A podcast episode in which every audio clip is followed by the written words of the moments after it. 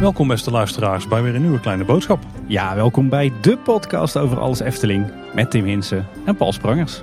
Tim, het moment is daar. We zijn na een eh, lange sluitingsperiode eindelijk weer een keer in de Efteling om een aflevering op te nemen. Ja, we mogen echt een reportage op locatie opnemen hè? als eh, de mannetjes van de radio. Jazeker, want we zijn vandaag bij Nest. Daar gaan we vandaag jullie uitgebreid op de hoogte brengen. Ja, inderdaad. Eh, vandaag een eh, speciale bonusaflevering volledig gewijd aan het eh, nieuwe speelbos. Uh, dat is afgelopen maandag 31 mei officieel geopend. Wij waren daar zelf niet bij vanwege de coronamaatregelen. maar we laten ons wat dat betreft natuurlijk niet uit het veld slaan. want dat betekent dat we er vandaag een dag later zelf zijn om alsnog uitgebreid verslag te doen van deze nou, toch nieuwe infill-attractie in de Efteling. Hè? Ja, daarbij moet je het dus wel alleen met ons doen. We hebben niet de mogelijkheid om nu mensen te interviewen die iets met het project te maken hebben gehad. Misschien dat het ook op een later moment komt. Maar we kunnen nog steeds wel vertellen wat er allemaal in Nest te doen is. En misschien ook al wat we ervan vinden. Want meestal komen we met een soort voorlopig eindoordeel. Ja, dat zal het deze keer ook wel worden. Daar, eh, daar gaan we ons best voor doen. Uh, overigens is het voor ons allebei niet de eerste keer dat we, in, uh, dat we Nest gaan bezoeken. We hebben de afgelopen dagen ja, eigenlijk ieder voor zich apart van elkaar met, met de family, dus met de kinderen, Nest bezocht. Dus we hebben ook al een behoorlijk goede indruk, denk ik, wat Nest betekent voor, voor de doelgroep. Wat de kinderen ervan vinden. Niet onbelangrijk denk ik, want dat zijn natuurlijk degenen die hier uiteindelijk gaan spelen. En wij kunnen er alleen maar bij staan en ernaar kijken. Ja, inderdaad. Dat doen we ook graag natuurlijk. Maar uh, wat dat betreft hebben we ons uh, goed voorbereid. En uh, we zullen het oordeel van, ja, van, eigenlijk van onze beide kinderen ook meenemen in ons voorlopige eindoordeel. Hey Tim, Nest is een speeltuin. En volgens mij hebben wij zelf al jaren ervaren dat er toch wel een speeltuin mist in deze hoek. Hè? Ja, inderdaad. Ruigrijk was wat dat betreft wel echt de hoek van het park die nog echt een speeltuin nodig had. Ja, want de speeltuinen die we op dit moment in het park hebben, die bevinden zich vooral in Marenrijk en, Reizenrijk. Eigenlijk een beetje dezelfde, ja, hoe moet het zeggen, dezelfde buitenrand van het park. Ja. En bij Panodroom slash Fabula hebben we natuurlijk een speeltuin. Maar in deze hoek van het park, daar was eigenlijk helemaal niks te vinden qua speelmogelijkheden. Ja, dat klopt inderdaad. Maar wist jij Paul dat de Efteling eh, eigenlijk best wel een rijke historie heeft aan speeltuinen? Nou, sterker nog, volgens mij was de speeltuin een van de eerste echte aantrekkingskrachten van de Efteling. Ja, absoluut. De speeltuin in het Sprookjesbos. Het is zelfs zo, Paul, dat eh, de allereerste speeltuin in dit park... die stamt nog uit de tijd dat het hier nog geen Efteling heette... maar eh, het Rooms-Katholieke Sport- en Wandelpark. Ja, dat was in 1936, hè? Ja, in 1936 opende kapelaan Ritra een speeltuintje. Uh, daarin vonden we destijds onder andere een draaimolen, een glijbaan. Dat was de hoogste van Nederland. Een heuse kabelbaan, die luisterde naar de naam De Zwevende Schuit. En een ponybaan, uh, maar bijvoorbeeld ook een echte zweefmolen al. Een uh, kettingbrug over een vijver allerhande schommels, wippen en een eh, hele grote rolton. Dat was dus eh, het eh, Rooms-Katholieke Sport- en Wandelpark in 1936. Ehm, een aantal jaar na de Tweede Wereldoorlog opende daadwerkelijk de Efteling. In 1951, in tegenstelling tot, tot wat de Efteling ons wil doen geloven. en in 1951 opende de Efteling met wederom een speeltuin, een nieuwe speeltuin. daarin vonden we in totaal 16 speeltoestellen. Waaronder een jeepmolen, een elektrische zweefmolen, drie glijbanen, 25 schommels, vier wippen een familieschommel, een handmolen, een oceaangolf, een draaiende schijf, roltonnen, draaimolens, een klimrek en apenkooien. Zo'n oceaangolf, is dat zo'n soort punthoedachtige vorm waar je op de rand kunt gaan staan en kunt rondschommelen? Ja, een beetje een eh, heksenhoed. Uh, heksenhoed ja. ja. Overigens werd die, eh, die speeltuin de decennia daarna telkens verder uitgebreid en vernieuwd. Iedere keer weer met, met andere speeltoestellen, maar ook met, met een heel aantal draaimolens die we nu nog kennen. Met het kinderbad. En die speeltuin die bleef uiteindelijk tot 1989 op die plek liggen. Ja, en die plek is op dit moment de plek waar het Lavela ligt. Dus ook de reden dat uiteindelijk die speeltuin is verdwenen. Want in 1989 en 1990 toen eh, verdween een heel groot deel van die speeltuin. Want toen werd het Lavela daar gebouwd. Er bleef toen wel ten westen van het Lavelaar een klein strookje over met speeltoestellen. Een beetje een verwaarloosd hoekje daar. Dus niet de kindervreugd zoals we die nu kennen. Ja, en verder vonden een aantal oude speeltoestellen van, uh, van die grote speeltuin uh, hun plek uh, in het Lavelaar. daar zien we ze nog steeds vandaag, onder andere de wippen. En een aantal speeltoestellen, en met name de draaimolens en de zweefmolens, die vonden een nieuw plekje ten oosten van het Lavelaar. daar hadden we natuurlijk al het Anton Pieckplein met onder meer de Anton Pieckmolen, maar daar opende ook het speeltuinplein. Maar daar verhuisden een heel aantal molens, maar ook speeltoestellen naartoe. en natuurlijk vonden we daar nog steeds het, het kinderbad in een verkleinde vorm. Uiteindelijk komt in 1994 een volgende speeltuin in de Efteling. Dat is het Kleuterhof. Die vinden we naast het café-restaurant. Een beetje een vreemde eend in de bijt qua styling in de Efteling. Ja, een echte Henny Knoet klassieker hè? Ja, en we hebben ook zo'n vermoeden dat die speeltuin misschien ook niet zo lang leven meer beschoren is. Nee, er gaan inderdaad geruchten dat uh, zodra het, uh, het reisrijk wordt uitgebreid op uh, het, het strookrijk, zoals dat dan zo mooi heet onder de fans, dat, dat dan ook Kleuterhof verdwijnt of een makeover krijgt. En ten oosten van het Lavelaar hebben we nog een hele tijd het kinderspoor gevonden. Maar die is in 2000 verhuisd naar de Gondoletta. En toen is de Vermolenmolen op die plek terug verschenen, dus ten oosten van het Lavelaar, tot 2004. Ja, je vindt daar uh, heden ten dagen nog steeds, uh, eigenlijk misschien wel het, uh, het meest rustige hoekje van Efteling. maar nog steeds staat daar een, een handdraaimolen en wat, wat wippen en andere speeltoestellen. Ja, zeker. Ja, en dan de volgende speeltuin, we haalden hem net al even aan. Dat is de Dierenwereld in Pannendroom. Die opende in 2002. Ook een beetje een vreemde eend en buiten in Efteling speeltuin historie. Maar ook uh, natuurlijk wel de enige binnenspeeltuin die we hebben in Efteling. Ja, inderdaad. Zo mag je hem wel, uh, wel uh, noemen. in 2003 werd het, het Antropiekplein heringericht. Toen werd de nieuwe smulpaap geopend. En dat betekende ook dat het speeltuinplein verdween. Ehm, maar een aantal zweefmolens en draaimolens vonden een nieuwe plek op het vernieuwde Antropiekplein. naar ontwerp van Michel en Dulk. Nou, bij Villa Volta nam de populariteit wat af, of in ieder geval de wachtrij nam wat af, waardoor een groot deel van de wachtrij niet meer nodig was. En op de plek die daardoor vrij kwam, kon het strookje ten westen van Lavelaar die kon uitgebreid worden tot een volwaardige speeltuin. En die opende in 2007 als kindervreugd.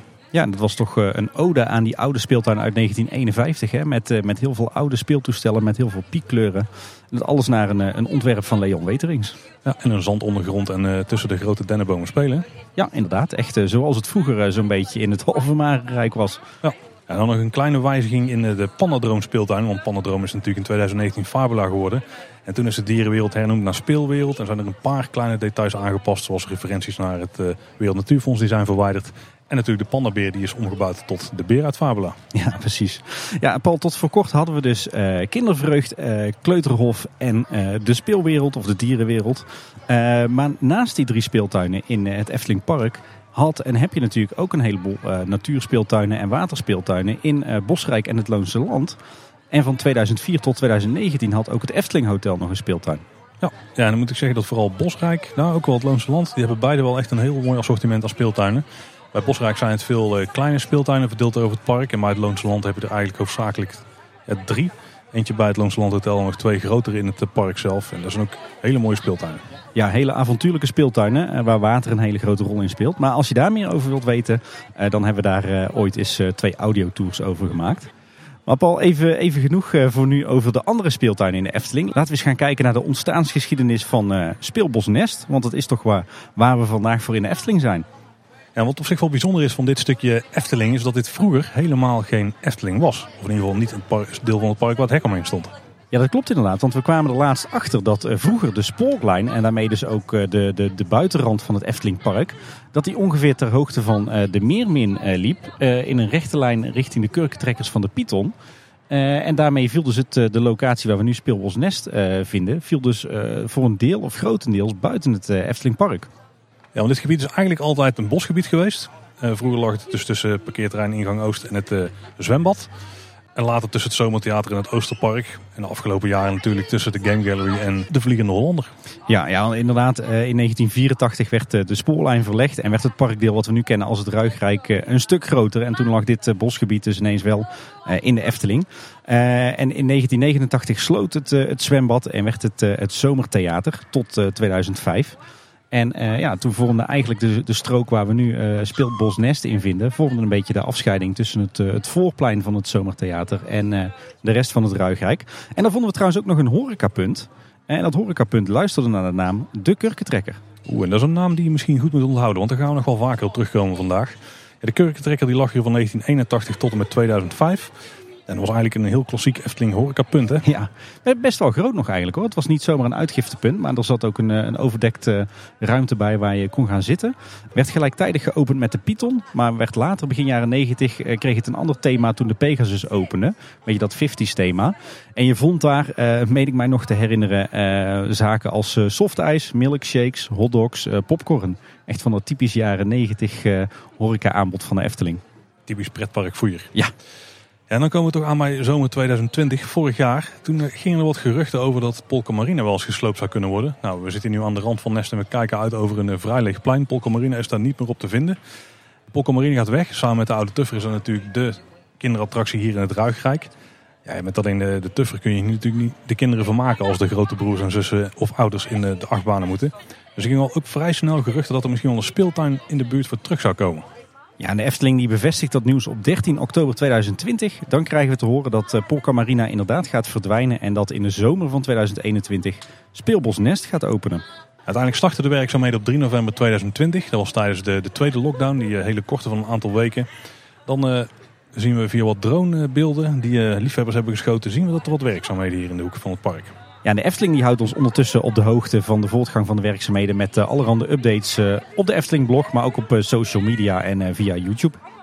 Ja, volgens mij zat er inderdaad een scène in ondertussen in de Efteling met Robert Jaap die een laatste ritje in de Polka Marine ging maken en daarnaast ook liet zien wat er allemaal aan de hand was bij Nest. Ja, nou Nest die zou dus in de zomer van 2021 openen, maar de bouw die verliep voorspoedig natuurlijk ook omdat het park heel lang dicht was. Daardoor konden ze ongehinderd door bezoekers voortbouwen.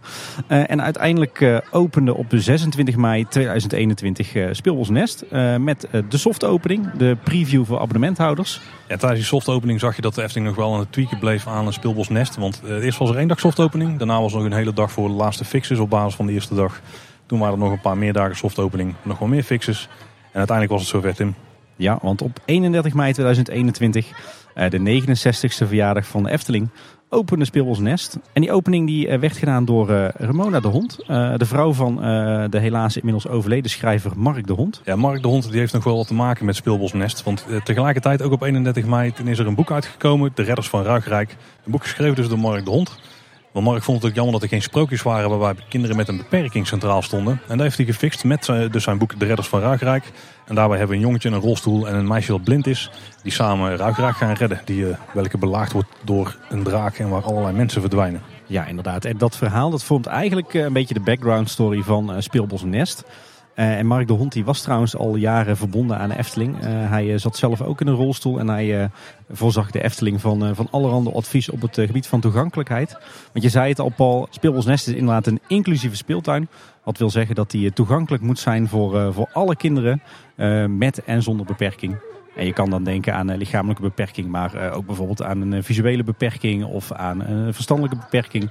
Autisme, dat zijn allemaal doelgroepen waar, waar echt bewust aan gedacht is bij het, het ontwerp en het bouwen van deze speeltuin. Ja, en Efteling communiceerde zelf inderdaad dat de redders van Ruigrijk een beetje het achtergrondverhaal vormen van Speelbos Nest.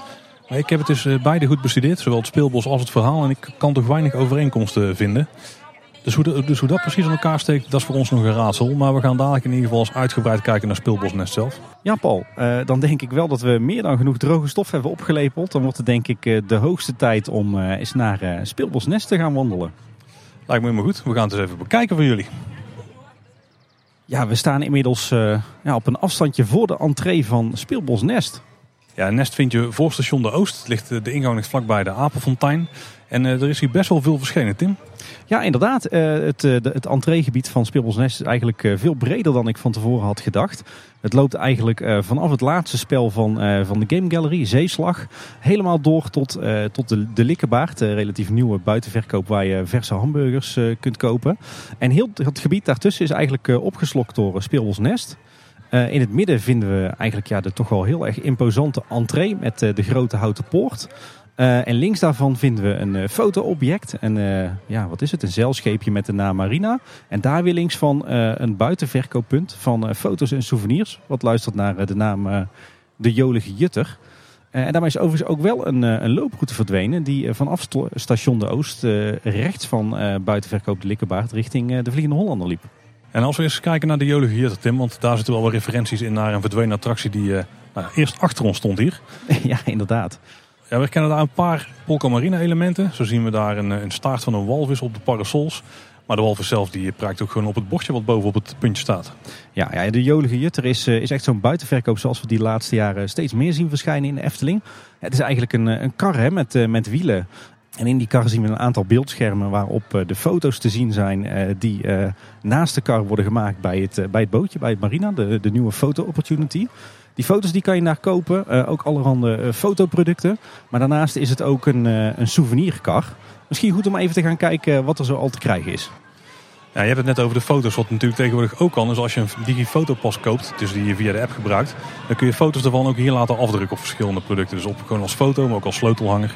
Ja, en daarnaast kan je bij, bij de souvenirkar, bij de Jolige Jutter, kan je de diverse uitvoeringen van het boek De Redders van Ruigrijk vinden. het voorleesboek, maar ook een prentenboek en een tactiel prentenboek, waar is gewerkt met braille.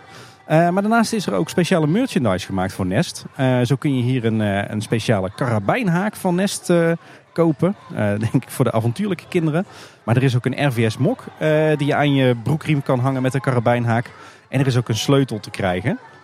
En uh, wat, wat, misschien wel het allerleukste is, is dat als je hier dus een foto laat maken bij dat bootje, dat je je foto niet zomaar in een hoesje krijgt, maar in een avonturenboek. Oh, oké. En dat is eigenlijk een, een klein papieren boekje waarin je wat, wat verhaaltjes vindt. Waarin, je, uh, waarin kinderen creatief kunnen zijn. Ze kunnen er wat in kleuren. En op de allerlaatste bladzijde vind je dus je foto. En het leuke is dat je her en der in dat, dat boekje ook weer diverse verwijzingen naar, naar Polka Marina kunt vinden. Oh, tof. Ja, als we verder een beetje kijken naar het assortiment hier. Het is vrij divers. Het zal ook wel per seizoen wisselen. Maar ik zie nu heel veel armbandjes, zonnebrillen.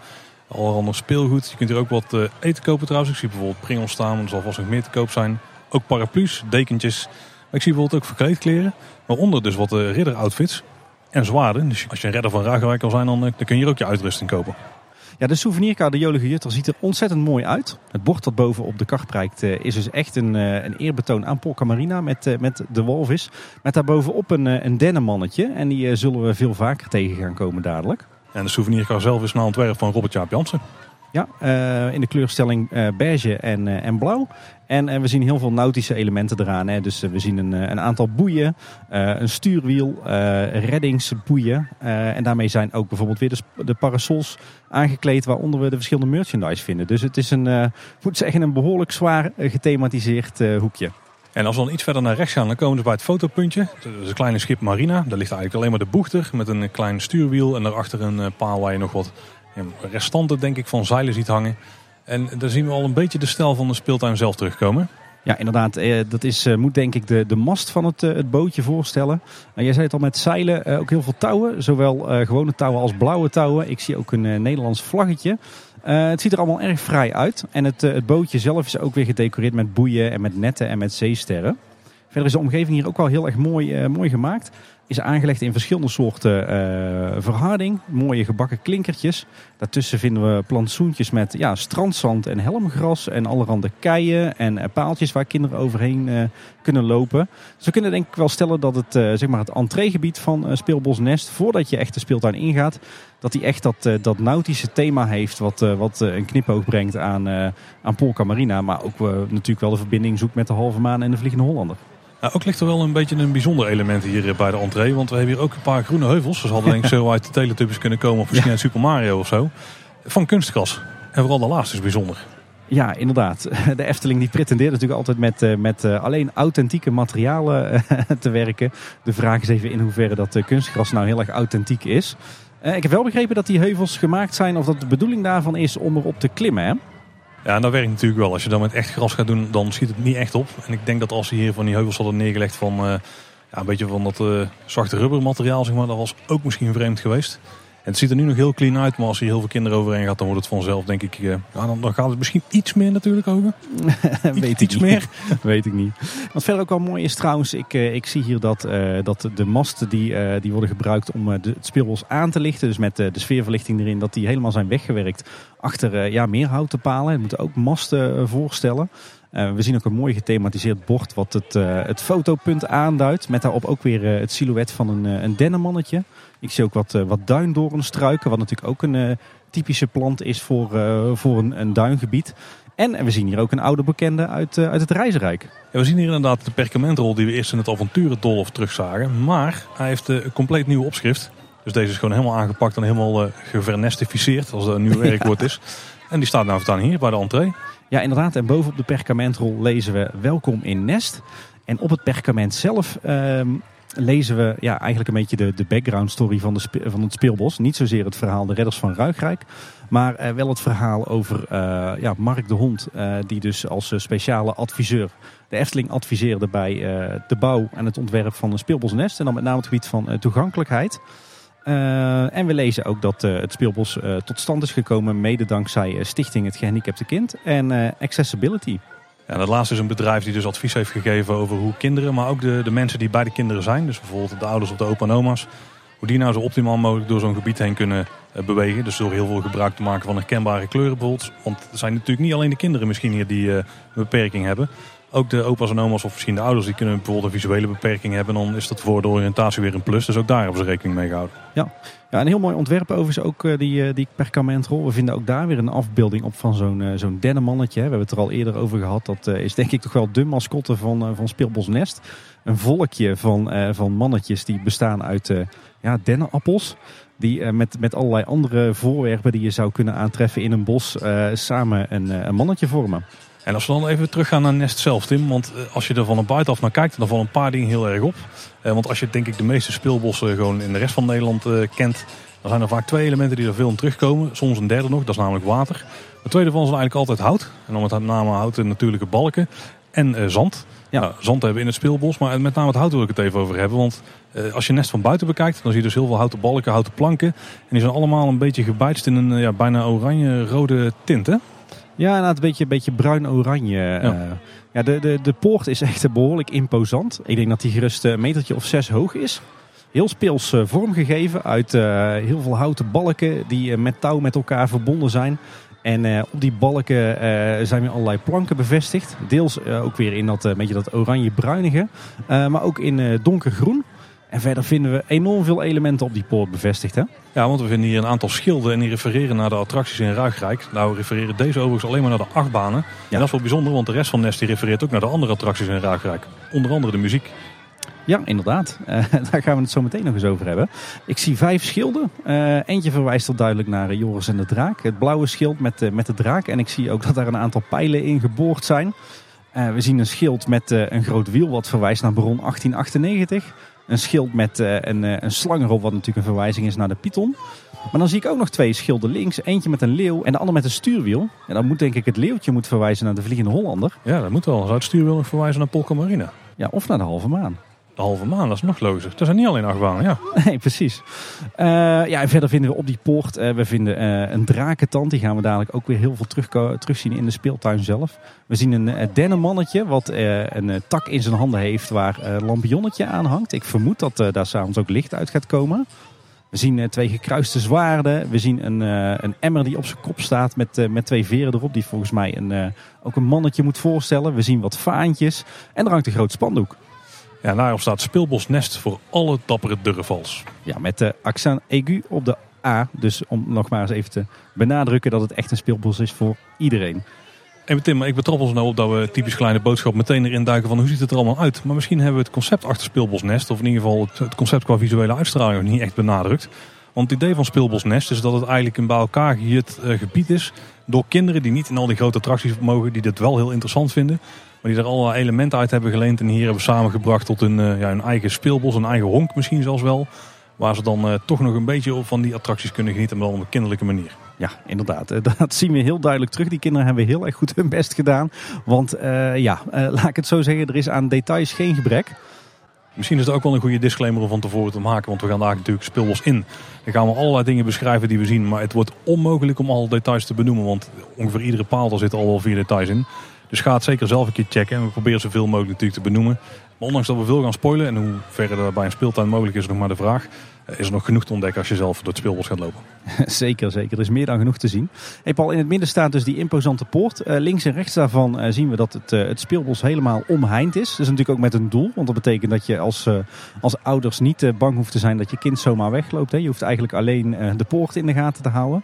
En die omheining die bestaat, uh, bestaat uit uh, ook weer een aantal hele grote houten masten, lijkt het wel. En tussen die masten vinden we netten.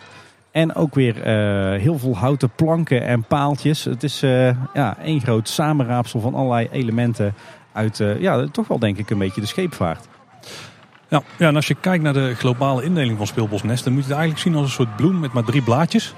Waarvan uh, we, starten nu zeg maar tussen twee van die blaadjes in. Dan hebben we een blad, een blad links en een blad rechts weg liggen. En dan ligt ook nog een blad recht voor ons uit. Maar tussen de twee bladen rechts van ons, daar ligt nog een klein gebiedje een beetje verstopt. Dat is het meer prikkelloze gebied. Daar gaan we daar even kijken. De prikkelarme zone. Ja, inderdaad. Ja, en als we dan kijken naar het linkse blad, dan is dat eigenlijk uh, echt de maritieme zone. Daar, ligt het, uh, het vergane schip. Daar zijn de kleuren heel erg blauw. Het stuk recht voor ons, dat is ja, het groene gebied, om zo maar te noemen. Daar staat de draak met de grote dragenglijbaan. Maar als je heel goed kijkt van bovenaf, zie je dat er ook eigenlijk het hele gebied gewoon een draak is. En het rechterstuk, daar is dan het horecastuk. Met ook een klein speeltuintje in het baronthema. En daartussenin, dus tussen de horeca en het draakstuk, daar ligt dus die prikkelarme zone. Ja, inderdaad. Hey, boven naar binnen gaan valt mij nog op dat er best wel veel bos is gesneuveld voor de aanleg van uh, speelbosnest. Natuurlijk best wel bijzonder als je een speelbos aanlegt. Maar er is ook al flink wat, wat nieuwe aanplant gezet. Hè? Want hier het gedeelte zeg maar, tussen de poort en de Game Gallery.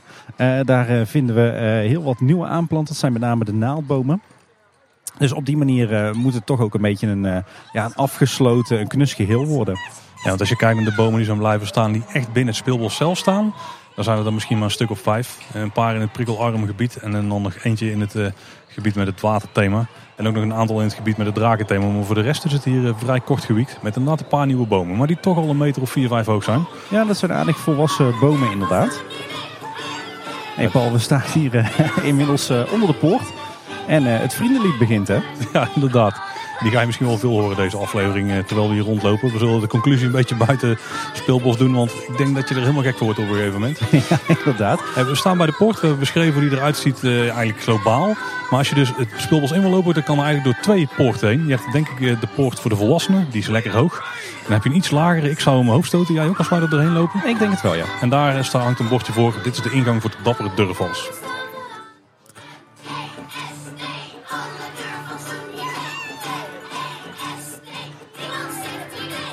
Ja, en verder vinden we links en rechts van de poort ook nog twee borden. Het linkerbord uh, is een verwijzing naar het uh, horecapunt Het Verwende Nest en de kurkentrekkers die je daar kunt krijgen. Daar gaan we zo meteen ook maar eens even kijken. En het rechterbord is het uh, attractiebord wat beschrijft wat hier te vinden is. Hè? Zeker, maar daar gaan we natuurlijk niet oplezen, want we gaan het gewoon zelf ontdekken. We gaan naar binnen, Tim.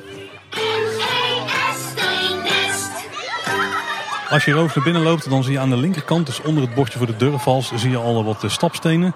Of van die hinkelstenen zeg maar, met cijfertjes in de vorm van uh, kikkervoeten.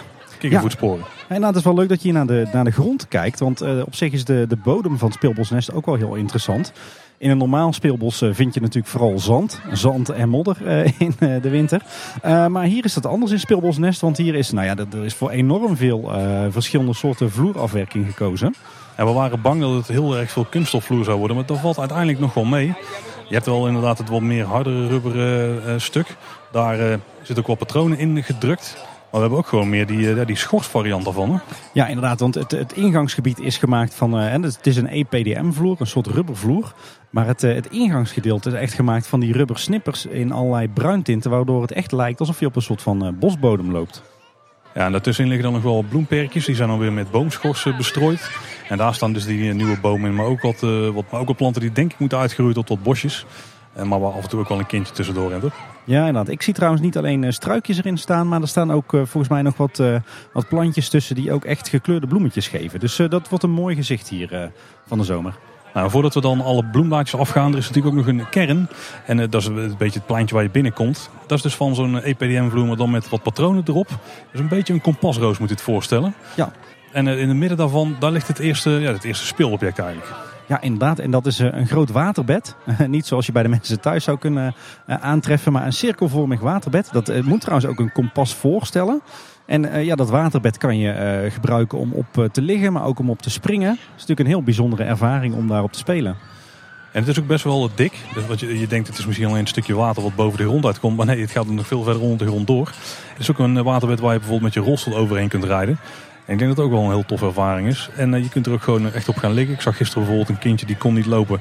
En die ging gewoon uh, op het waterbed liggen. omdat de andere kindjes daar allemaal op aan het spelen waren, ging ze ook op en neer. En dat vond ze helemaal geweldig. Dus ik kan me voorstellen dat dit echt zo'n heel erg mooi object is wat voor alle kinderen heel leuk is. Ja, ik moet zeggen, mijn kinderen waren er vorig eh, weekend ook meteen weg van. Die uh, hebben hier heel lang op het uh, waterbed gelegen en gespeeld. Met name de jongste van twee. Dus het is, het is ook echt een speelelement wat denk ik vooral de jongere kinderen aantrekt. En het leuke is, niks hier is ook standaard. Hè? Jij zei al, die speelvloer rond dat waterbed is vormgegeven als een kompas.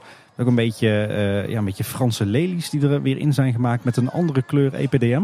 Maar ook het waterbed zelf komt absoluut niet zomaar uit de catalogus. want de hele print is speciaal voor de Efteling gemaakt. Ik ben er vrij zeker van dat dit een Robert Jaap creatie is ook. Ja, het is inderdaad typisch zo'n zo'n stukje grafische vormgeving van, van Robert Jaap. Want bijvoorbeeld de naald van het kompas, daar zit een Efteling E in het midden. we zien ja, een soort, wat is het, een soort strand eigenlijk wat is afgebeeld. Met in het water uh, onder meer zo'n reddingsboei, uh, een krab op wrakhout. En op het strand ligt onder meer een uh, schatkist met daarin ducaten uit Ezeltje Strekje. ik ben wel benieuwd hoe lang dit waterbed het volhoudt. Want het is heel populair. En vooral als je er ook nog overheen gaat rijden. Zo. Ik kan me voorstellen dat hij op een gegeven moment hard gaat slijten. Dus wat, hoe, zolang die nog goed blijft, ik ben heel benieuwd. Ja, je vond zo'n waterbed trouwens ook heel lang terug in de dierenwereld. de speel, indoor speelruimte bij Pandadroom. Daar was het eh, een rechthoekig eh, waterbed van eh, iets beperktere afmetingen. En ik geloof dat die op een gegeven moment weg is gehaald omdat die telkens lek ging. maar hopelijk is dit toch van een andere kwaliteit. Weet je wat me daar trouwens ook opvalt, Paul? Iets wat het van het weekend nog niet deed. Maar er, er zit hier zo waar een bedriertje. Je hebt inderdaad een beetje, als je binnenkomt rechts van die kompasroos, heb je een stapel met tonnen staan. En als ik de bedrukking moet geloven of de beschildering, dan zitten er allerlei drinkbare uh, dingen in. Ja, ik zie, uh, ik zie bruisend water, kruidig kaneel, limonade, uh, heldendrank. Er zit van alles in die, die tonnen en kisten. Maar één ton is een kurk ingeslagen en die zit niet helemaal goed vast. Dus daar spuit af en toe wat water uit. Ja, nou af en toe zeg maar gerust de hele tijd. Ik werd er net ook door, door geraakt. Uh, leuk is trouwens dat bovenop die stapel uh, tonnen en uh, kisten ook weer een zo'n dennenmannetje zit. en die is in dit geval aangekleed als kok. Met, met houten klompjes, met een koksmuts, met een kurkentrekker. ook weer een heel mooi geheel. En ook iets wat we hier nu zien, wat we van tevoren overigens niet hadden verwacht, want het was niet gecommuniceerd door de Efteling. Maar we zien een nestwaker. Ja, inderdaad een nestwaker. Oftewel Efteling personeel wat speciaal in deze speeltuin staat om ja, een beetje het spel van de kinderen te begeleiden. Ja, in principe hebben ze gewoon een normale Efteling outfit aan. Dus hoe je de medewerkers verwacht. Met de blouse met de patroontjes erop en een blauwe broek. Oh, en daarbij hebben ze een vest aan met erachterop een reddingsboei. Met wat bladeren eraan. En ze hebben allerlei attributen eraan hangen. Zoals onder andere die mok trouwens, Tim, die je kunt kopen. Ja, inderdaad. En ook een, eh, een bos touw. Ja, een drinkfles en uh, een schrijfblokje zag ik dat ze bij hadden. En ze hebben een grote hoed op.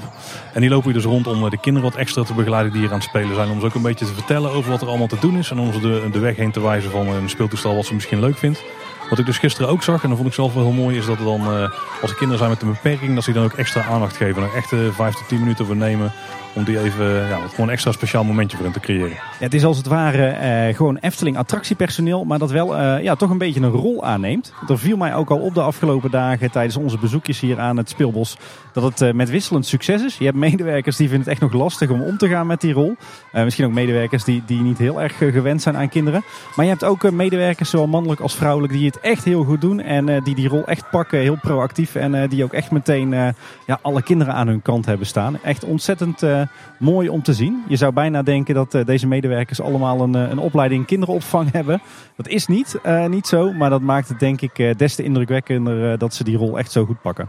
Ik denk wel dat er een beetje van nature in moet zitten inderdaad. Dat je dan heel geschikt bent om hier dit te kunnen doen. De nestwaker zijn. Ja, inderdaad. Tim, het is denk tijd om eens echt het rondje af te gaan maken. We beginnen bij het linkerbloemblad, om het zo maar te noemen. Ja, en dat is het, uh, het, uh, ja, het gedeelte van Speelbos Nest uh, wat helemaal in het teken staat van de Vliegende Hollander. Ja, want als je hier naar links kijkt, dan zie je eigenlijk meteen een, een boeg van een schip. Met daar een boegbeeld, hè, de bekende leeuw die we kennen uit de Vliegende Hollander. En jij had al het vermoeden dat dit gewoon de gebruikte mal is uit de attractie zelf. En ik denk dat je er wel gelijk in hebt. Ik ben er 100% zeker van, Paul. Want hij lijkt er ontzettend veel op. Zeg ik nog, hij is precies dezelfde denk ik, maar hij mist het bord. En die leeuw zit dus voor op een, ja, een soort schipsvrak wat hier ligt. En daar zitten natuurlijk allerlei speelelementen in. Uh, de vloer hier trouwens is uh, ook van het EPDM materiaal, maar dan uh, blauw met een paar ja, waterpatronen erin. En er liggen ook wat kanonskogels in, denk ik dat ik moet voorstellen. Ja. Die zien we ook eentje zitten in de zijkant van de boot. Maar de rest van het gebied is met zand gewoon bedekt. Dus daar zit, zit gewoon een zandbak, hè, dus je kunt er ook veilig gewoon spelen.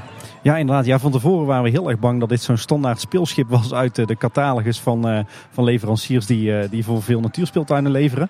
Maar het is allemaal totaal anders dan, dan wat we gewend zijn uit andere natuurspeeltuinen. Het is helemaal afgestemd op, op Speelbos Nest.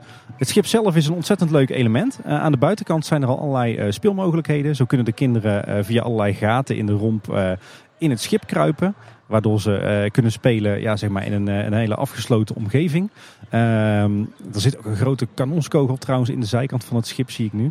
aan de andere kant van het schip zitten allerlei klimmogelijkheden. Dus kunnen ze zelf het, het, schip opklimmen. En aan de achterkant van het schip zit ook een hele steile helling met een touw. waarmee de kinderen echt op de boeg van het schip kunnen klimmen. En achter het schip staat ook weer een mast. Daarboven zit een kraaiennest. Dit is volgens mij het hoogste punt van het speelbos. Als ik het goed heb, 7 meter. Zit ook weer zo'n mannetje op, zo'n denappelmannetje. En ook daar zien we weer wat vlaggetjes. Vlaggetjes zien we op bijna alle omhoogstaande palen hier langskomen. Een speelbosnest. Ja. Ja, dat dennenmannetje is trouwens wel echt superleuk. Dit dennenmannetje is dan weer uh, ja, aangekleed als een, uh, als een kapitein. Hè, met uh, echt zo'n steek, zo'n zo'n Franse hoed zeg maar. En zo'n zo'n verrekijker. En hij heeft trouwens ook een houten been. Ja, wat heel tof is, is even los van, van dat schip waar je dus op kunt klimmen en je in kunt verstoppen, is dat ook overal netten hangen waar de kinderen in kunnen klimmen. En helemaal rondom dat gebied vinden we dat vlonderpad, wat de speeltuin volledig omringt. over dat vlonderpad kan je natuurlijk overheen lopen. Je kan er ook even overheen met de rolstoel. En aan dat pad zitten dan ook weer allerlei trappetjes en, en netten waar je in kunt klimmen. Dat is echt superleuk gedaan. Zullen we daar eens overheen lopen? Ik zie trouwens hier nu ook dat er zelfs een mogelijkheid is om de entreepoort te beklimmen. Ja, precies. Want als je het vlonderpad eens oploopt, dan loop je eigenlijk onder een soort doorgang door. En die is onderdeel van de hoofdingang. Maar je kunt daar rechtsvan kun je omhoog klimmen. En dan kun je daarna nog een niveautje omhoog. En dan sta je eigenlijk gewoon bij de, ja, op, de, op de entreepoort van Nest. Ja, met uh, twee houten ladders. ik heb zaterdag mijn jongste dochter er al vanaf moeten redden. Want die kwam al omhoog, maar niet omlaag. Het, uh, ja, het heeft een, beetje het, een klein beetje het gevoel van Fort Comstock in uh, Frontierland, hè? Ja, inderdaad, ja. En als we de vlonder verder oplopen, dan merken we dat de vloer daarvan, dus de, de planken waar je overheen loopt, die zijn allerlei verschillende vormen. Die lijken hier gewoon op maat allemaal ingemaakt te zijn. Hebt dan links daarvan loopt eigenlijk een houten hekje met daarboven dus die netten die je van de buitenkant ook ziet. Die beginnen een beetje in die oranje uh, tinten, maar er zitten ook wat groene planken tussen. En die gaan uiteindelijk gaan die over in de meer blauwe kleur die uh, ja, eigenlijk overheerst hè, in dit deel van de speeltuin. Maar geen knalkleur hier. Hè. Er zit iedere keer een verloopje in van, van donker naar wat lichter. ze zijn ook met, met de witkwast een beetje opgelicht. Dus het hout ziet er hier echt eh, nu al verweerd uit.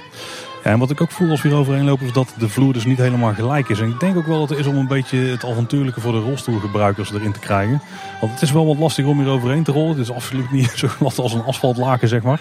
En daardoor misschien ook iets meer uitdaging en dus iets meer spelen voor de mensen in een rolstoel. Ja, en hier, hier rechts zien we ook weer een eh, speeltoestel, of een speelgelegenheid eigenlijk, die, is, die aan het vlonderpad is vastgemaakt. Ook daar kan je weer opklimmen via een net. Uh, maar je kan bijvoorbeeld ook een vlaggetje hijsen, uh, de Nederlandse vlag, met daarop dan weer een dennenmannetje. Nou, dan lopen we nog iets verder. Dan wordt het pad er iets breder. Ik denk ook een inhaalmogelijkheid. Hè? Want het valt sowieso op aan het Vlonderpad. Voor een speeltuin is die best breed. Ook dus weer om de mensen in een rolstoel te accommoderen. En als we dan iets verder lopen, dan komen we eigenlijk bij een, een punt waar je ook onder het speeltoestel, of eigenlijk onder het vlonderpad kunt komen. Er zit een wat verhoogd stuk. Daar zien we overigens nog een element, Tim, uit uh, het avonturendolhof. Ja, de, de sterrenkijker hè? Ja, die is ook al hier naartoe verplaatst.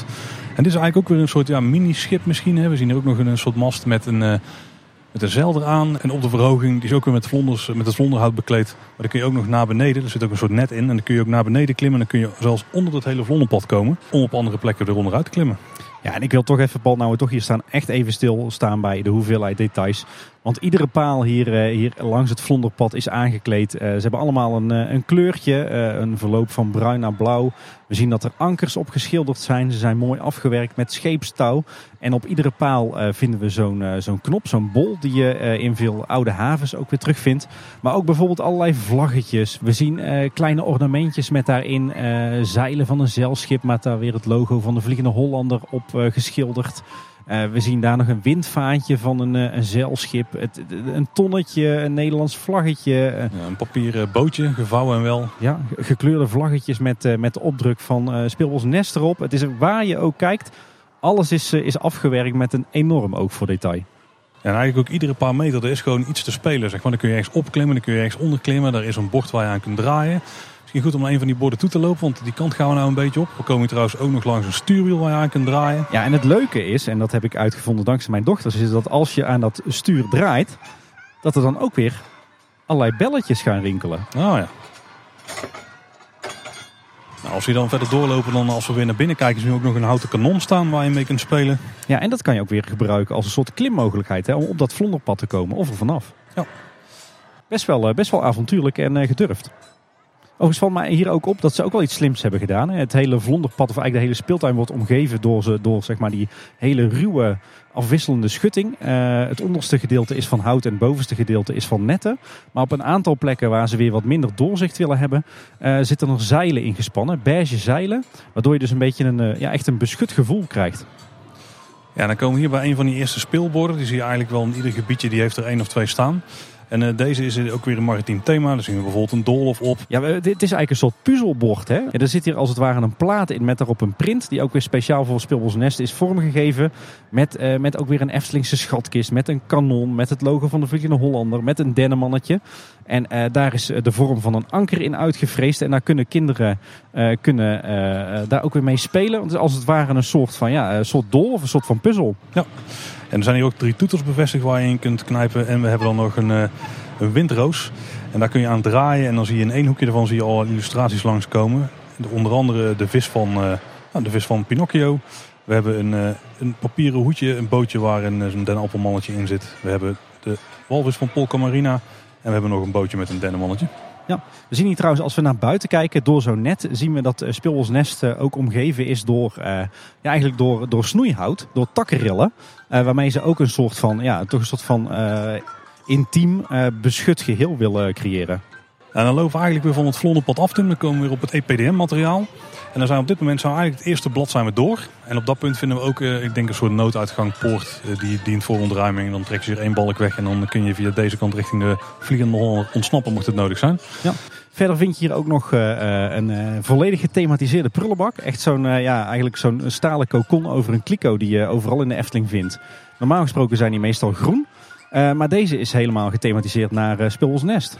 Ja, je ziet aan de zijkant wat boomstammetjes erop staan. Dus van die doorsneden daarvan met af en toe een oogje ertussen van een dier wat je aan het aankijken is. En die vinden we eigenlijk rondom de prullenbak.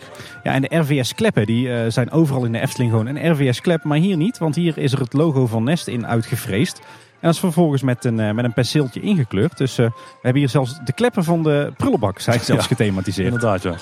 En dan lopen we het vlonderpad weer verder op. En dan gaan we eigenlijk naar het volgende blad. En dat is het blad met de draak.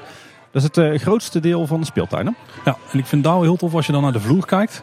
Dan heb je weer het EPDM-materiaal en een deel daarvan is die schors. Maar een deel daarvan zie je ook het begin van de staart van de draak. En als je die staart nu volgt, dan zie je dat die op een gegeven moment naar links draait. En dan gaat het, uh, het hout hier in het gebied ook over in het groene hout. En als je die groene houtlijn dan weer volgt, dan kom je uiteindelijk uit bij wat uh, ja, bij de glijbaan die een drakenkop moet voorstellen. Maar bij de tong de draak is dus eigenlijk vormt dit, de opdruk hier, het hout en de glijbaan samen vormt eigenlijk de draak grofweg. Ja. Ja, inderdaad. En ook dit gebied is weer enorm gedetailleerd met heel veel speel, uh, speelgelegenheden. Als je bijvoorbeeld kijkt naar, naar de aanloop van het gebied richting de draak, uh, dan is sowieso de vloer is ongelijk. Hè? Dus de drakenstaart die komt een beetje omhoog ten opzichte van de rest van de vloer. Uh, daar zitten ook weer allerlei stippen in in andere kleuren. Dus dat is echt heel erg kunstig gemaakt. Maar verder vinden we ook heel veel zand en hele grote keien. Dat zijn natuurlijk perfecte klim- en speelelementen voor de kinderen.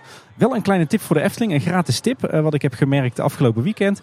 Uh, Efteling, leg eens wat harkjes en schepjes en emmertjes in dat zand. Want ik merk dat heel veel kinderen daar behoefte aan hebben.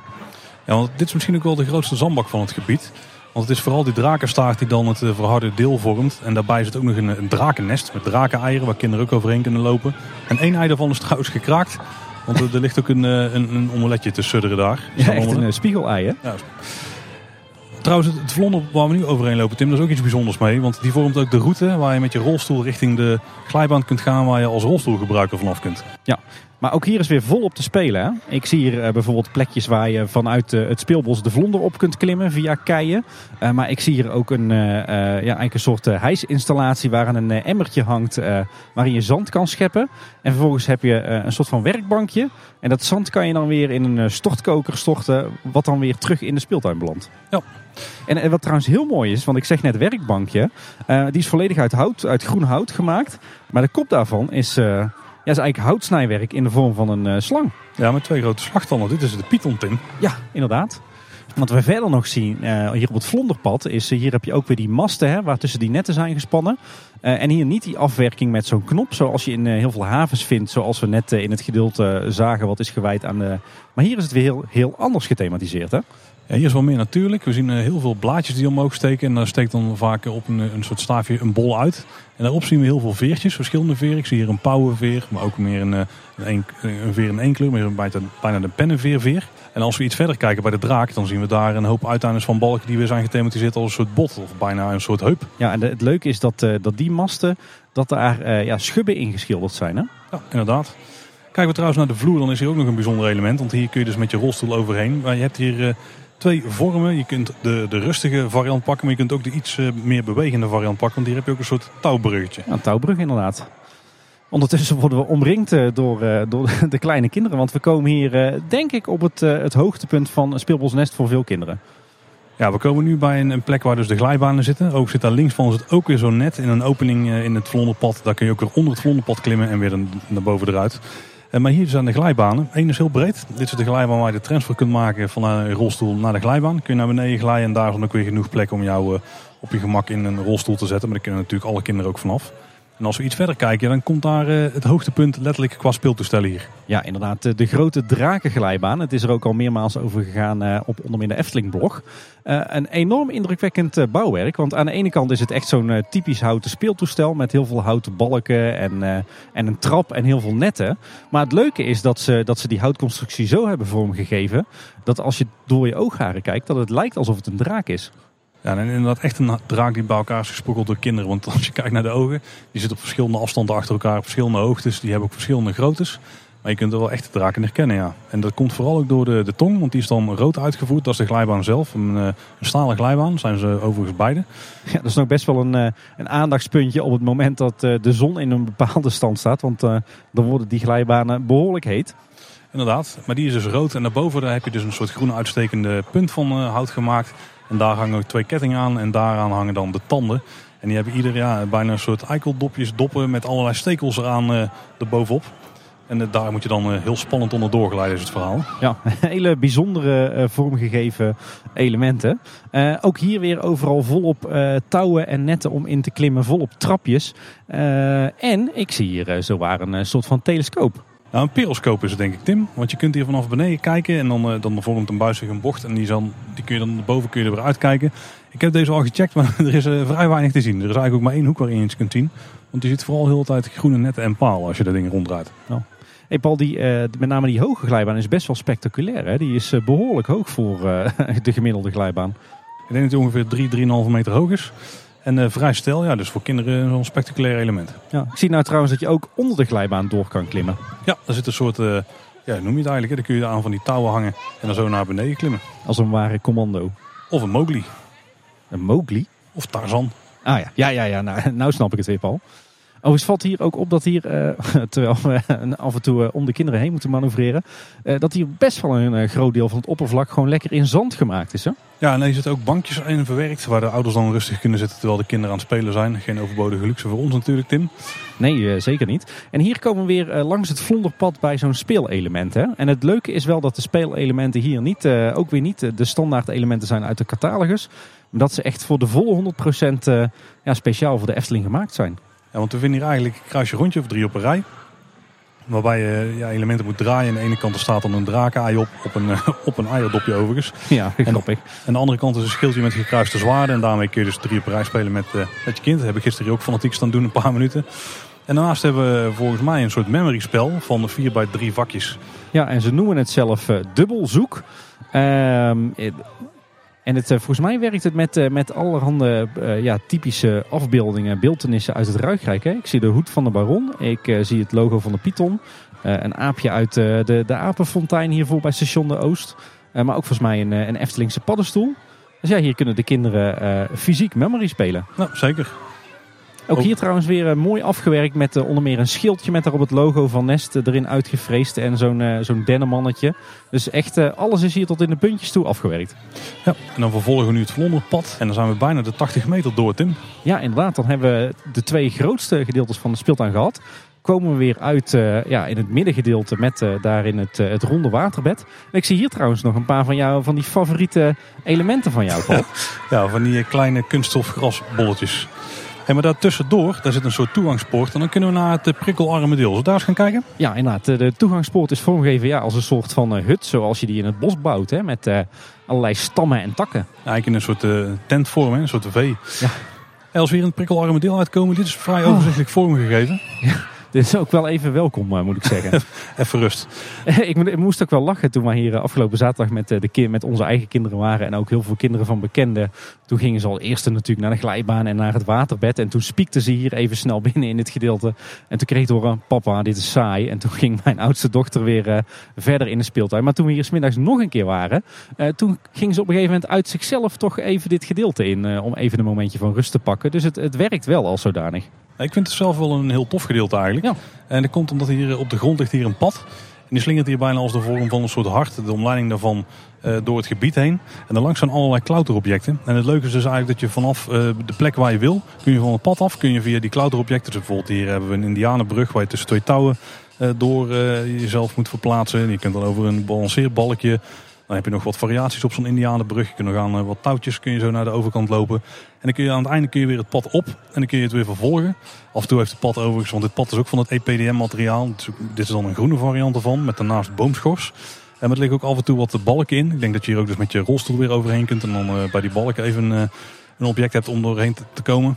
En dan kun je op een andere plek van het pad kun je weer besluiten om eraf te gaan. Om bijvoorbeeld via wat boomstammen naar een uh, ander deel van het pad te gaan. Dus je hebt er eigenlijk gewoon een route die je kunt volgen. En die je dan zo avontuurlijk, uh, als jij wil of kunt, kunt afleggen. Ja, het is eigenlijk zo'n klimparcours zoals we die kennen uit, uh, uit Toverland en Shanghai Disneyland. Maar dan echt op het niveau van kleine kinderen. Hè? Dat is eigenlijk best een goede omschrijving. Je hoeft je niet te zekeren, wel een voordeel. Ja, ja je kan hier prima de vloer is lava spelen.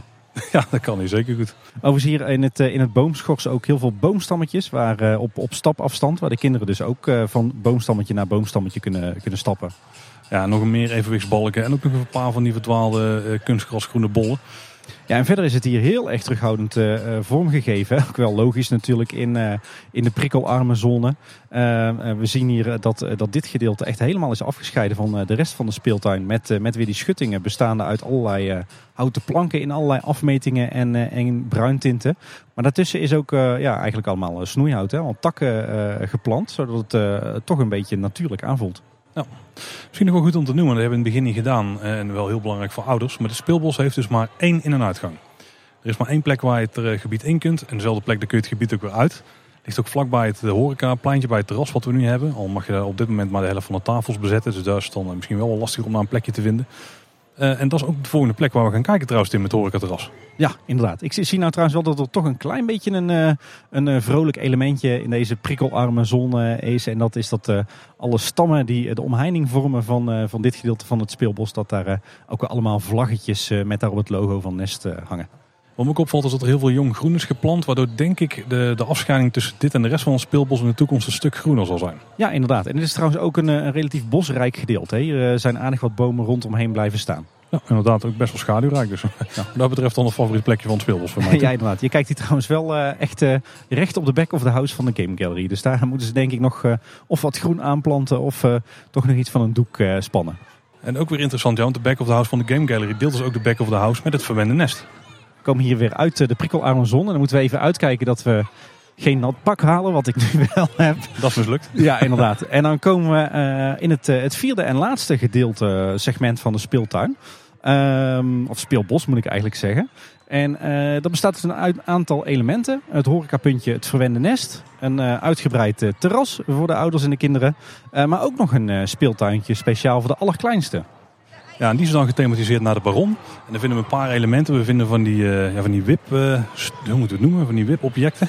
Ja, ja, wipkippen zijn het normaal gesproken. Hè? Alleen nu staat op de, de, de veer van de wipkip staat geen, geen kip of ander dier. Maar ja, een speciaal voor Speelbos Nest gemaakt mijnkarretje. Ja, die zijn wel heel tof. Ook met gluk af erop. En ook cijfers erop trouwens. Dus we weten ook welke minecartjes dit zijn. Ik zie onder andere minecartje 3. Eh, laten we er even naartoe lopen, Paul. Want het viel mij op van de week dat dit stiekem eh, misschien nog wel het meest gedetailleerde deel van het speelbos is uh, van heel Speelbos Nest. Ja, want die zijn grofweg zijn die vier speelelementen. Je hebt dus twee van die wipkippen. Dan heb je een glijbaan, die is gethematiseerd naar de, de lifthill. Of waar ik naar het rad wat bovenaan daarvan zit. bovenaan de mijntoren bij de Baron. En we hebben nog zo'n speelbord. En we hebben trouwens ook nog een zandbak. Want, want het EPDM-stuk hier is dus groen, bruin, geel. Maar daar zien we ook een, een mijnkarspoor in. Ja, inderdaad. De, de hele vloer moet hier als het ware ja, een soort mijn voorstellen. Hè? Overigens, het zijn er twee karretjes, karretje 2 en karretje 3. Uh, achter op die karretjes uh, staat, uh, staat een logo met weer dat, ja, dat schoepenrad dat we kennen van, van de lifttoren van Bron 1898. Met daarop de initialen GH ingegraveerd. En die staan natuurlijk voor... Gustav Hoogmoed. Precies. En de glijbaan die heeft dus aan één kant een trap en aan de andere kant kun je eraf glijden. En die heeft aan beide kanten dan dus decoratie die in de vorm is van ook weer dat schoepenrad bovenaan de toren van de lifthill. En als we daar achter kijken, dan hebben we daar een speelbord. En dit zijn vooral eigenlijk een puzzelelement waar je alle edelstenen in, een, in vakjes moet stoppen. En ook wat elementen waar je kunt draaien. En uh, ik zie hier ook uh, molentjes waar dan zo te zien goudklompjes in liggen. Die ook kunnen draaien. Dat is ook heel tof. Ja, ja, en het leuke is dat ook dit speelbord weer uh, helemaal in thema is. Want je hebt hier ja, zeg maar drie, ja, wat zijn het, kubussen die je kunt draaien. Waarmee je verschillende poppetjes kunt maken. En die poppetjes die hebben allemaal ook weer, zijn allemaal ook weer in het Bron 1898 thema. Want zo kan je hier een Gustav Hoogmoed maken. Maar je kan ook een wit wief maken. En je kan een mijnwerker maken. Oh, de kompel is ook vertegenwoordigd hier. Ja, precies. En, uh, en het, het puzzelbord waar je dus elementen in moet steken. ook weer speciaal voor de allerkleinste gemaakt. Dat zijn dus allemaal verschillende soorten juwelen die je wellicht kan delven in de mijn. Als we trouwens naar boven kijken, Tim, zie ik ook een element wat ik wel kan waarderen. Ja. Want hier hebben we namelijk wel doeken hangen om een beetje schaduw te geven. En dat is hier ook geen overbodige luxe, hè? want we vinden hier ook weer heel veel zand. Uh, natuurlijk hartstikke leuk voor de kinderen, maar wel in uh, pallen in de zon. Dus uh, die schaduwdoeken zijn hier zeer welkom. En ook hier is trouwens weer het geheel behoorlijk mooi afgewerkt. zo vinden we hier bijvoorbeeld een dennenmannetje verkleed als mijnwerker. Compleet met uh, pikhouwwiel met daaraan gouden klompjes. Een mijnwerkershelm met een lampje, gele laarsjes. En we zien er een, eh, een emmertje bij staan met daarin ja, de opbrengst. En ook weer met initiale Gustav Hoogmoed erop. Maar in de opbrengst zijn inderdaad nog meer goudklompjes. Ja, heel gaaf gedaan. En ook hier zijn weer die, die palen die de omheining vormen. Die zijn weer mooi aangekleed met touwen, met allerlei pironnetjes, met veren, met bolletjes. Het, alles wat je hier ziet is, is uniek. als we weer teruggaan naar het terras, want daar komen we eigenlijk net vanaf. Dan zien we daar een, eigenlijk een halfronde bank die een deel van het terras beslaat. Daar staan wat tafeltjes aan met stoelen. Een deel daarvan mogen nu dus niet opzitten, maar eh, die kun je dus gebruiken om jouw kurkentrekker op te eten. Oh, daar gaan we het daar over hebben, Tim. Ja.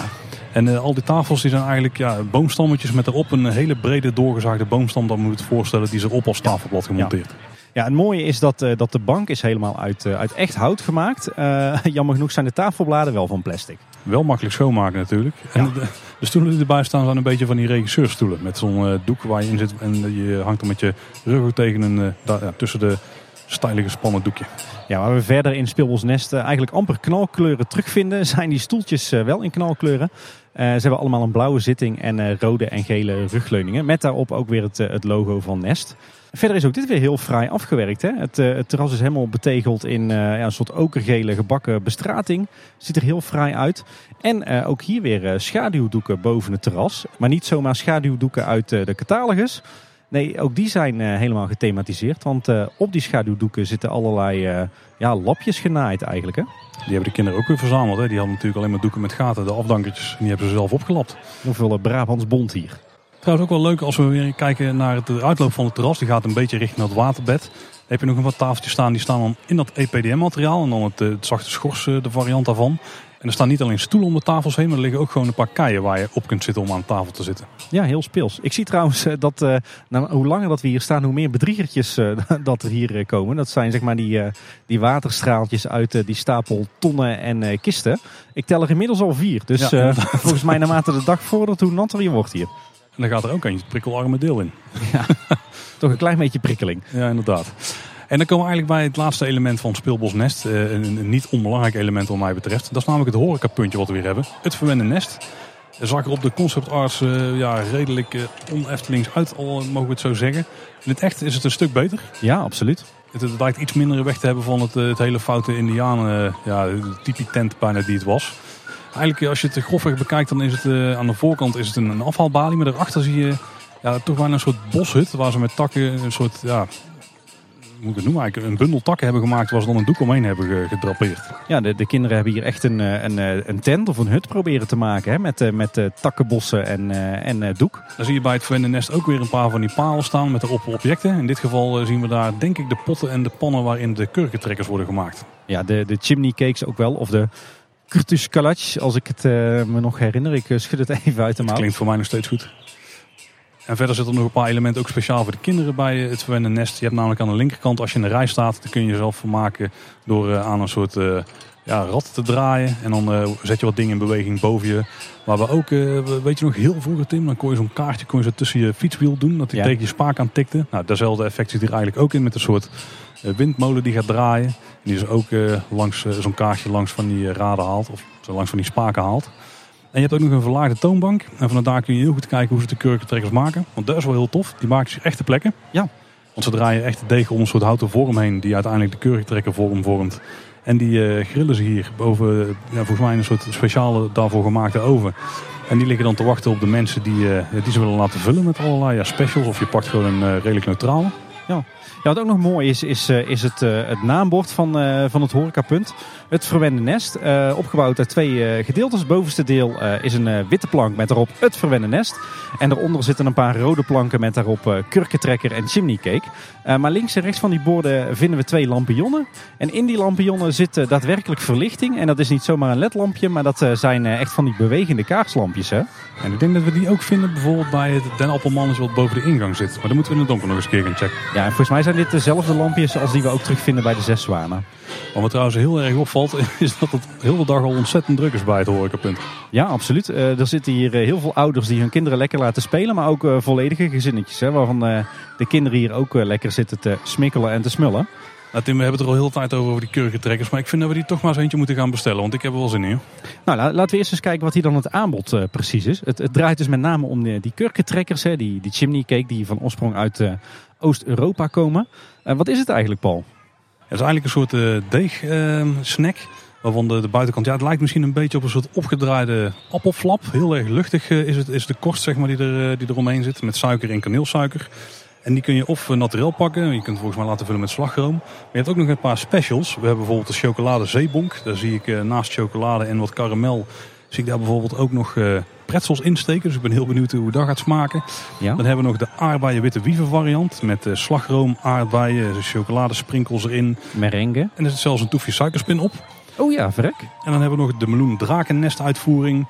En die heeft dan daar allerlei fruitdingen in, zoals meloen en kiwi. Maar ook spekkoek en ook zure matten. Weet jij al wat je gaat nemen, Paul? Ik heb de aardbeien witte wieven heb ik al op. Dus ik ga vandaag denk ik voor de chocolade zeebonk. Ik, uh, ik heb al de hele week zin in uh, aardbeien witte wieven. Ik heb, afgelopen weekend heb ik, uh, heb ik er geen geprobeerd. Want dat vonden we niet zo'n goed signaal richting de kinderen. Maar ik, ik kijk er naar uit om er nu eentje te nemen. Je durft het vandaag wel aan. Hè? Ik durf het vandaag wel aan. Overigens heb je de, de, de chimney cake ook gewoon in naturel variant. Dan krijg je er kaneelsuiker overheen. Uh, de naturel variant die kost 3 euro. En uh, de specials die kosten ja, tussen de 4,50 en uh, 5,30 euro. En verder kan je hier ook nog, nog allerlei koffies krijgen. En allerlei koude dranken. En ook warme dranken trouwens, Tim. Ja. Ook het, het horecapunt zelf is trouwens ontzettend leuk aangekleed.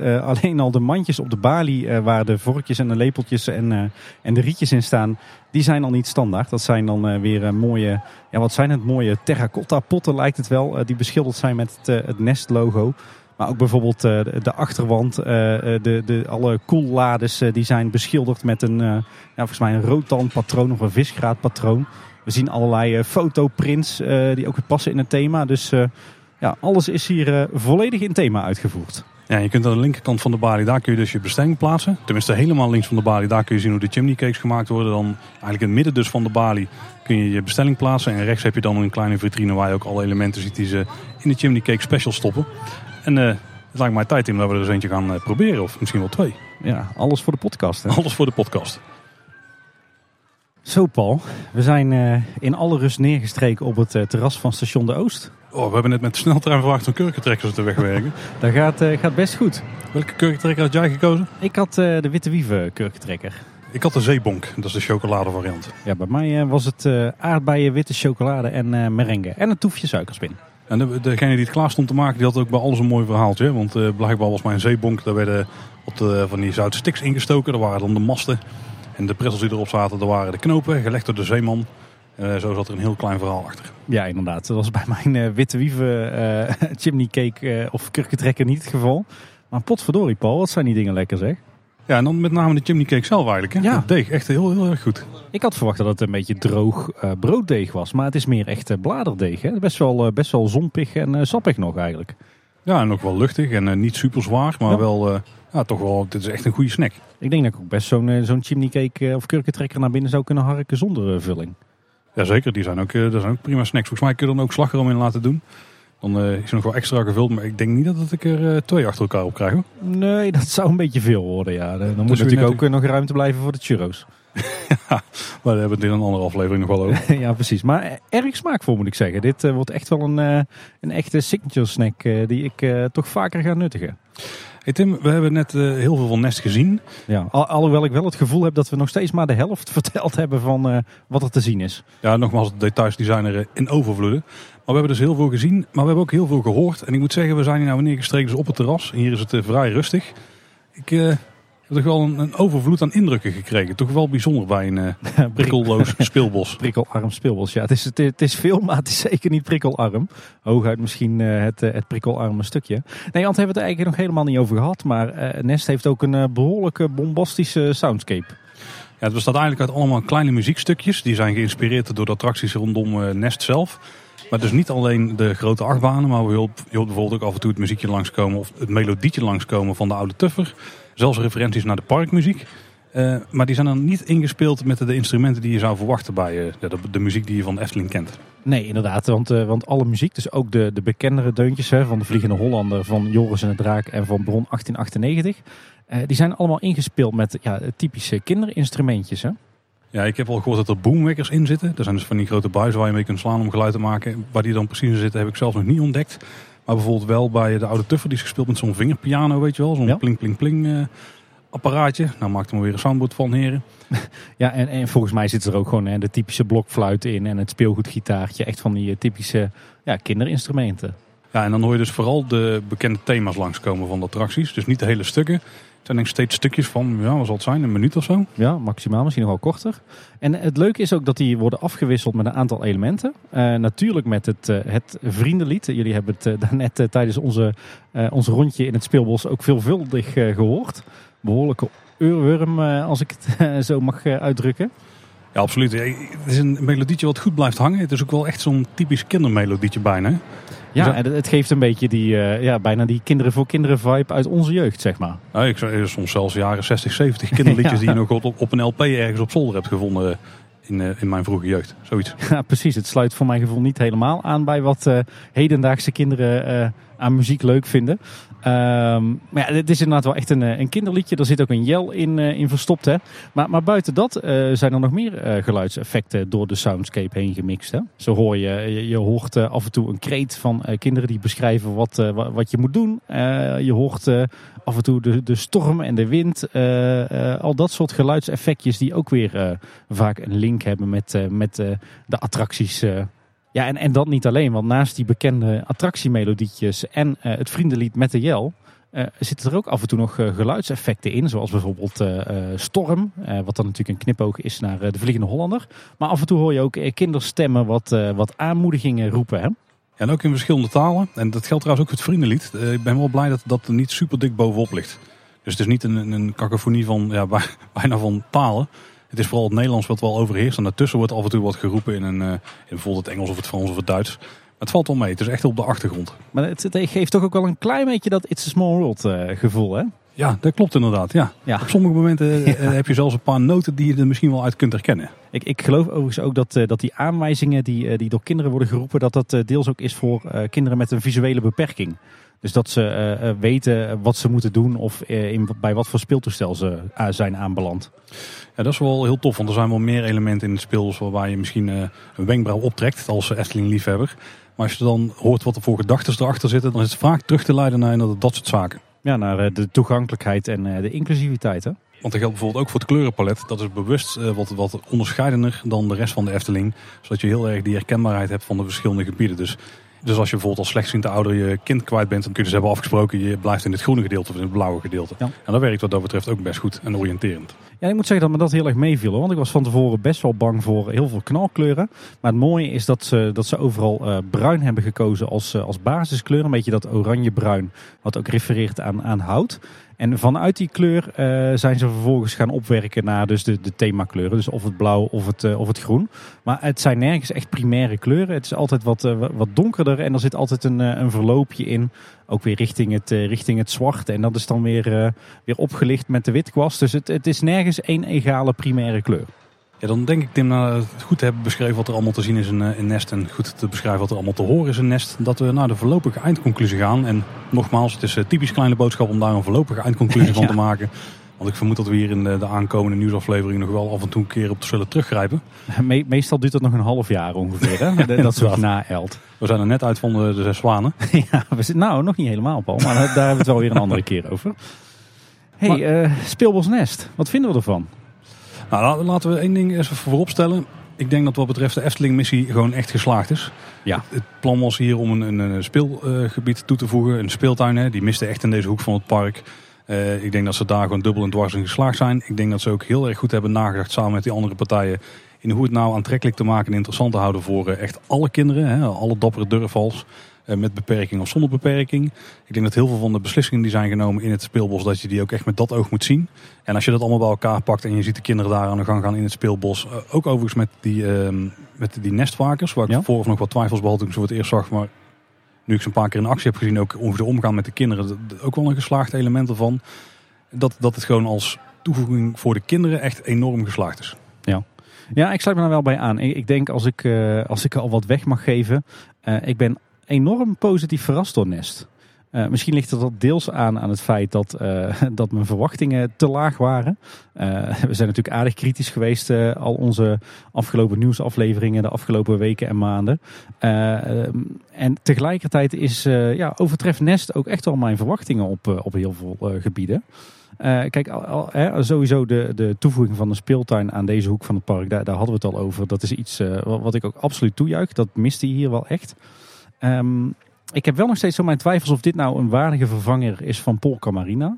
Kijk, Polka Marina en de Oude Tuffer waren natuurlijk de twee opties uh, voor kleinere kinderen en gezinnen met kleine kinderen.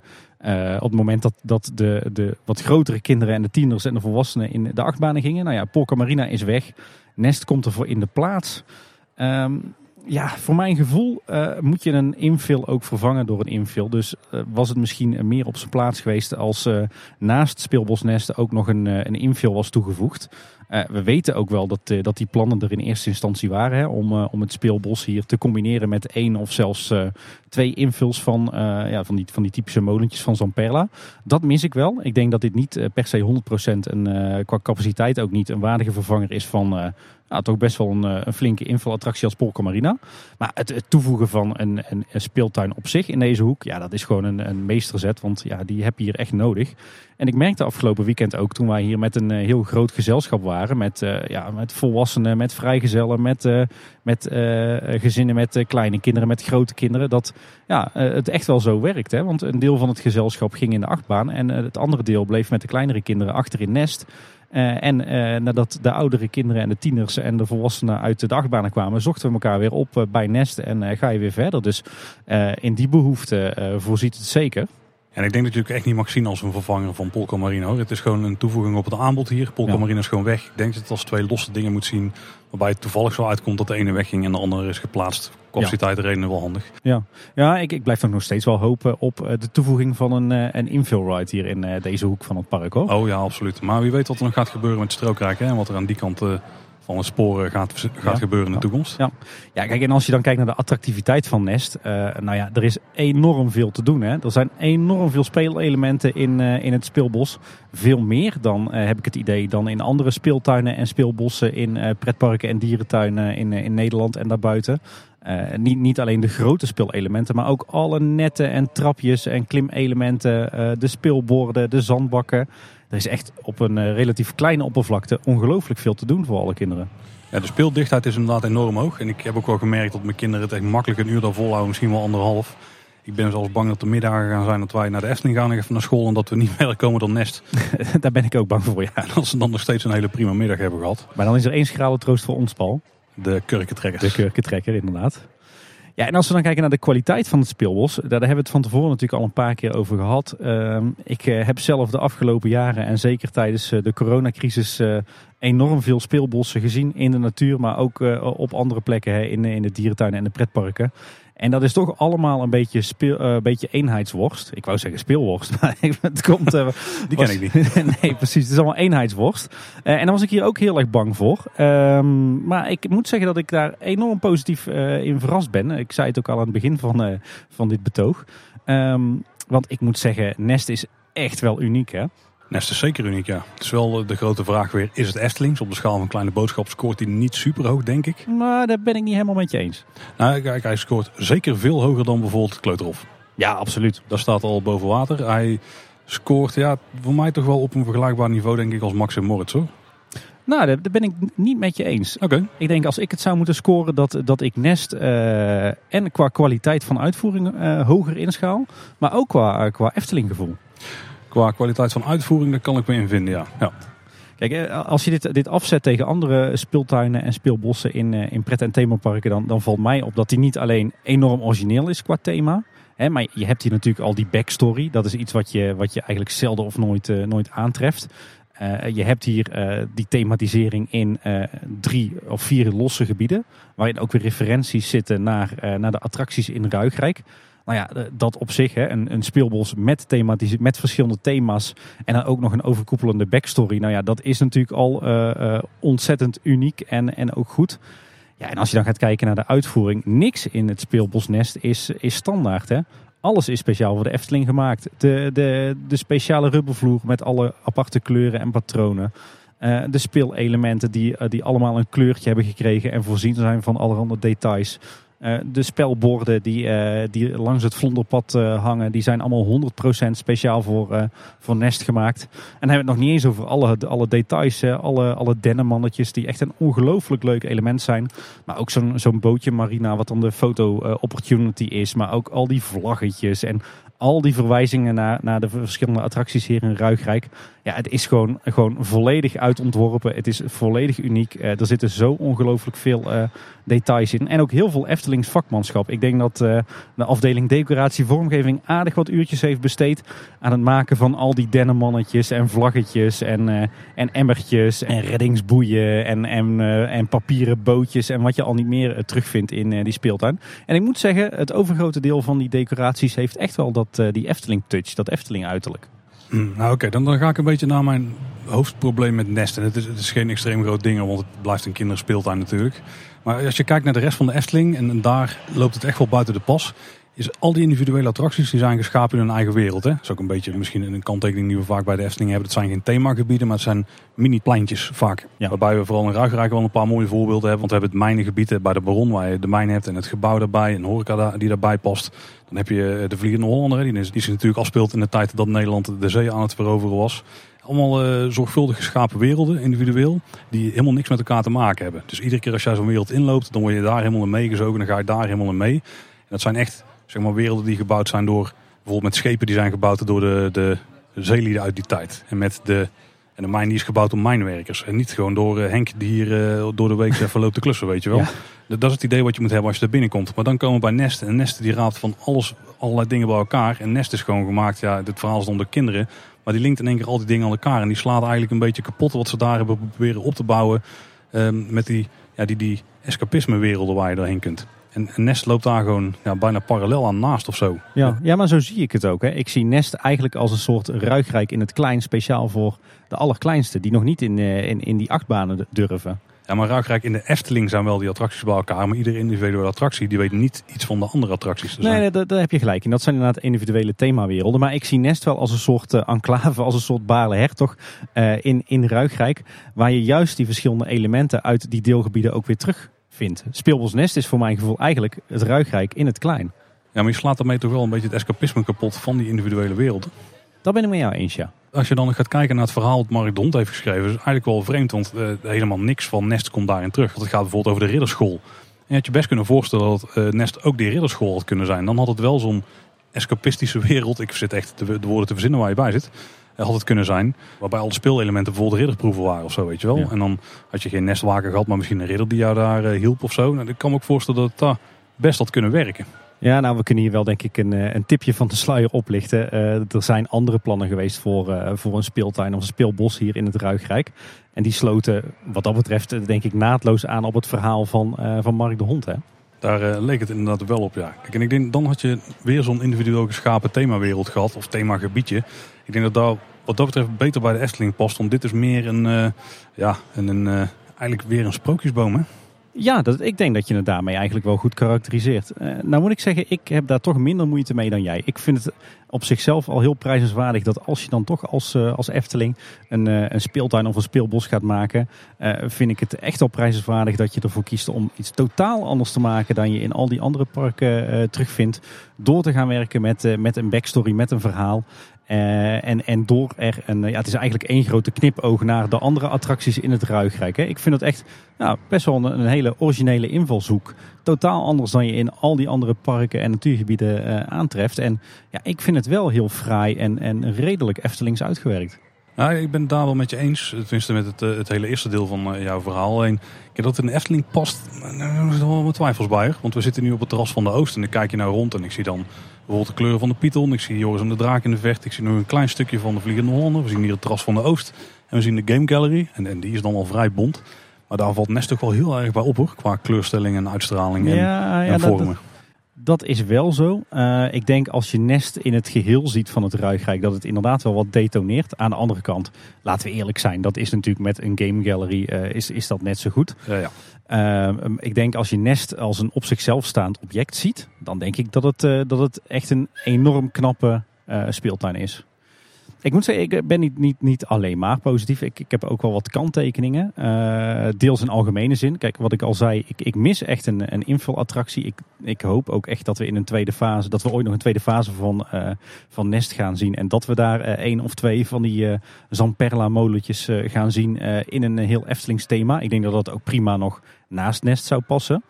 Uh, wat ik, wat ik uh, best wel een groot gemis vind, is dat ze ervoor hebben gekozen om hier uh, geen waterspeeltuin uh, aan te leggen. Ja, daar ben ik het dan weer niet helemaal mee eens, maar ja.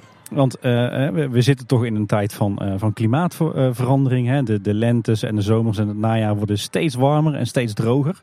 Uh, je ziet dat de Efteling de afgelopen jaren ook heel wat moeite heeft gedaan uh, op die extra warme dagen om te werken met uh, Team Beat the Heat. Die lekker overal met water spuiten en dergelijke. Nou ja, volgens mij was Nest de ideale plek geweest om ook een waterspeeltuin aan te leggen.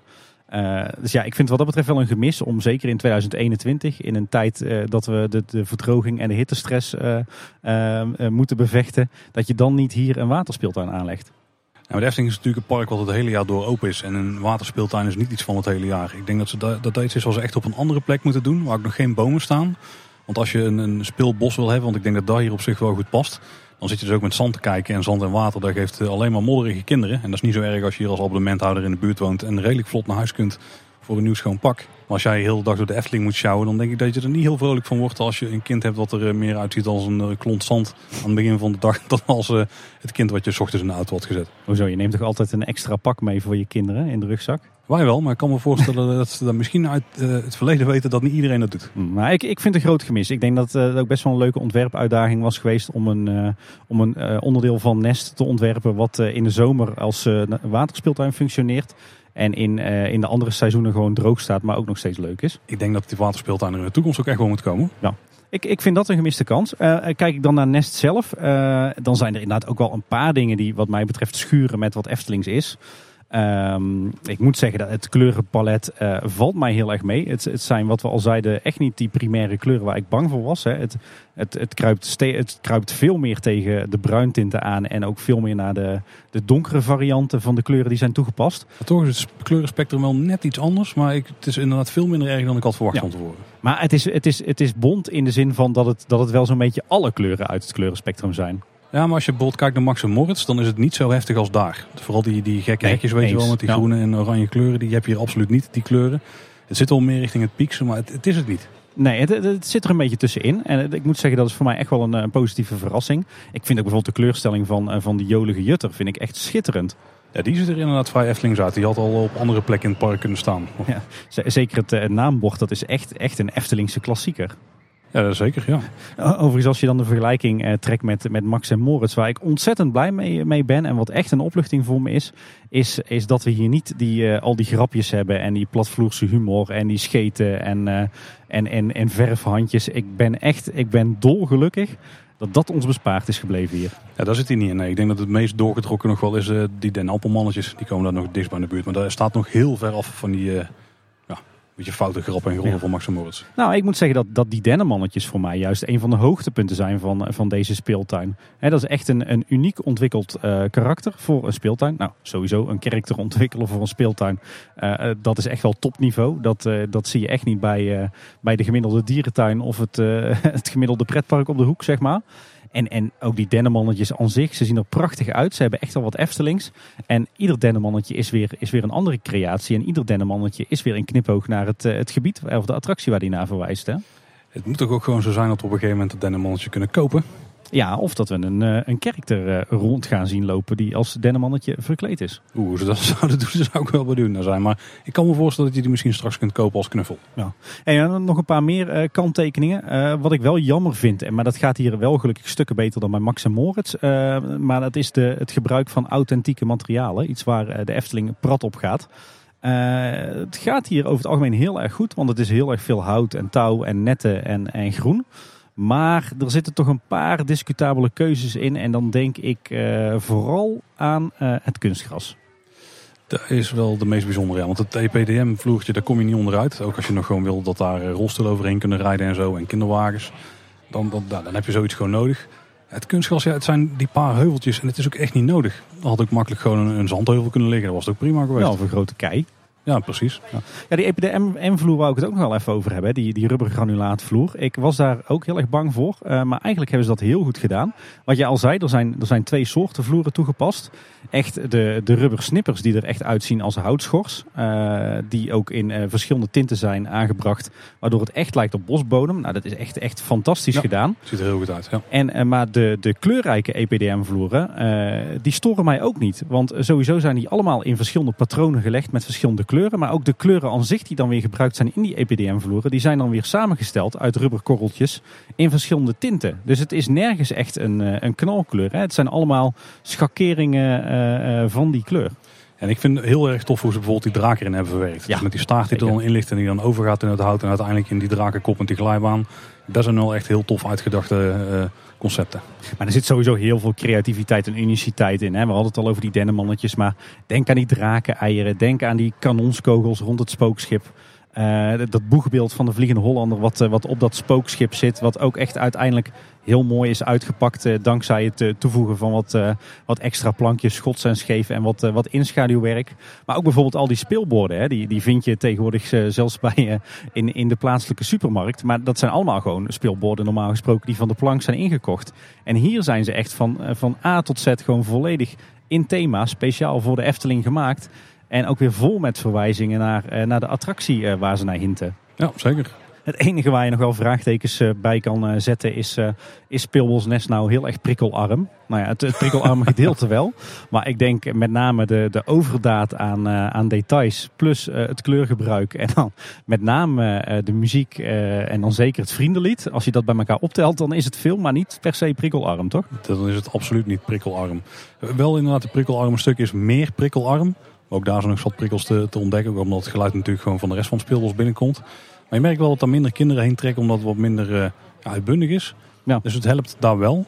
Dus ik denk dat we vooral het prikkelarme stuk echt moeten zien als dat stukje van het speelbos. En dan is het wel vrij geslaagd. Ik moet dus overigens zeggen dat qua uitstraling als de rest van het speelbos er ook zo uit had gezien. Had ik het ook niet erg gevonden. Alleen dan was het wel een stuk lastiger om je te oriënteren. Dus wat dat betreft snap ik het wel. Ja. En dan was het ook heel erg 13 in een dozijn geweest. Hè? Want het is met name dat, dat prikkelarme stuk wat, wat redelijk vergelijkbaar is met, eh, met speeltuinen en speelbossen die we op heel veel andere plekken zien. En waar ik heel erg bang voor was, maar die angst is eh, absoluut niet eh, de waarheid geworden. Daar heb je inderdaad gelijk in, ja. Eh, afrondend, als ik, als ik kijk naar mijn eigen oordeel, eh Speelbos Nest, eh, een ongelooflijke positieve verrassing voor mij. Ontzettend veel eh, speelmogelijkheden. Eh, heel mooi in, eh, in thema, een heel goed concept. Eh, absoluut toegankelijk en inclusief. Ehm, meer Eftelings dan ik had durven dromen met heel veel mooie details. Misschien een klein beetje overdaad eraan, wat het dan meteen ook minder prikkelarm maakt. Maar er is wel ontzettend veel te zien. En wat ik vooral het allerbelangrijkste vind in de vergelijking met andere speeltuinen en speelbossen... is dat het en gewoon ongelooflijk uniek is van een ongelooflijk hoog kwaliteitsniveau. En daarmee ja, echt onderscheidend van alle andere speeltuinen die we in de wereld om ons heen kennen. En ja, dat was toch wel voor mij de belangrijkste eis om Speelbosnest te doen slagen. En ja, wat mij betreft is het daar dubbel en dwars in geslaagd. Ondanks dat er wel een paar kleine kanttekeningen zijn over in hoeverre dat het nou echt Eftelings is. Ja, voor mij klopt dat grotendeels ook wel. Het is qua verhaalconcept beetje twijfelachtig. Oogstrelend vind ik het ook niet. Maar het is een ontzettend toffe toevoeging voor de doelgroep. En dan wil ik niet alleen mijn eigen kinderen, maar ook alle andere kinderen die ik al in uh, heb zien spelen. En hoe die daar vermaakt kunnen horen. Ja, dat is echt van hoog niveau. En het is echt iets wat de Efteling nodig had in deze hoek. Dus wat dat betreft missie uh, geslaagd. Ja, absoluut. Uh, een, een, extra speeltuin in de Efteling op zo'n manier op deze locatie. Ja, daar, daar zaten wij in ieder geval als jonge ouders echt al op te wachten. En als ik zie hoeveel plezier mijn kinderen hier al hebben gehad, dan is het wat mij betreft met recht een, een prima toevoeging. Zeker, helemaal mee eens. Nou, we gaan het in de toekomst vast nog wel vaker over Nest hebben. Want ja, een voorlopig eindoordeel, hè. Zo werkt dat. Ja, als jij een cijfer zou moeten geven aan, aan Nest Paul in zijn totaliteit? Oeh, dan, dan moet ik de klassieker van Timmer erbij halen. Dan hink ik op twee gedachten. dat is mijn tekst. Ja, dan zou ik het qua... Ja, waar moet ik het dan beoordelen? Nou, in ieder geval qua, qua wat het voor de kinderen doet, dan zit het echt wel op 8,5, 9 denk ik. Als ik zie hoeveel plezier die eraan beleven en, en, en, en ja, de, de, doelgroep over heel de breedte. Uh, maar ik denk dat ik het in het algemeen al met een 7 zou beoordelen. Het is geen topper, het doet heel goed wat het moet doen. Ik denk dat er wel methodes waren geweest waarop je hetzelfde kunnen bereiken, maar dan nog meer passend bij de Efteling. Ja, ik ga richting de 7,5, 8. Uh, ik denk als het meer Eftelings was geweest, dat, het, dat het zelfs richting de 9 zou gaan. Uh, maar ja, als ik zie hoe goed dit is gedaan, hoe kwalitatief, hoe uniek, hoeveel oog voor detail, ja, dan verdient het zeker een 8 wat mij betreft dan zijn we aan het einde gekomen van de aflevering, Tim. Ja, wil je nou nog eh, je eigen mening over Nest kwijt? We zijn heel benieuwd wat jullie er natuurlijk van vinden. Dan kun je dat bijvoorbeeld naar ons toesturen op Twitter. Daar zijn we Edka Boodschap. En op Facebook en Instagram zijn we Kleine Boodschap. Je kunt natuurlijk ook een mailtje sturen. Dat kan naar info.kleineboodschap.com. En kleineboodschap.com is natuurlijk ook onze website. Daar vind je alle afleveringen. Daar vind je ook de show notes. Dus linkjes die relevant zijn voor die aflevering. En het contactformuliertje. Ja, en verder luister je Kleine Boodschap eh, op de website, in alle podcast apps en op Spotify. En mocht je ons nou luisteren in eh, Apple Podcast, geef ons dan ook eens een, eh, een, rating of een review. En aanstaande maandag zijn we natuurlijk gewoon weer met een bomvolle nieuwsaflevering. Nou, Tim Maag is ook bomvol dankzij de kurkentrekker. Maar het was het in ieder geval wel voor deze bonusaflevering. Luisteraars bedankt voor het luisteren. Tot de volgende keer en houdoe. Houdoe.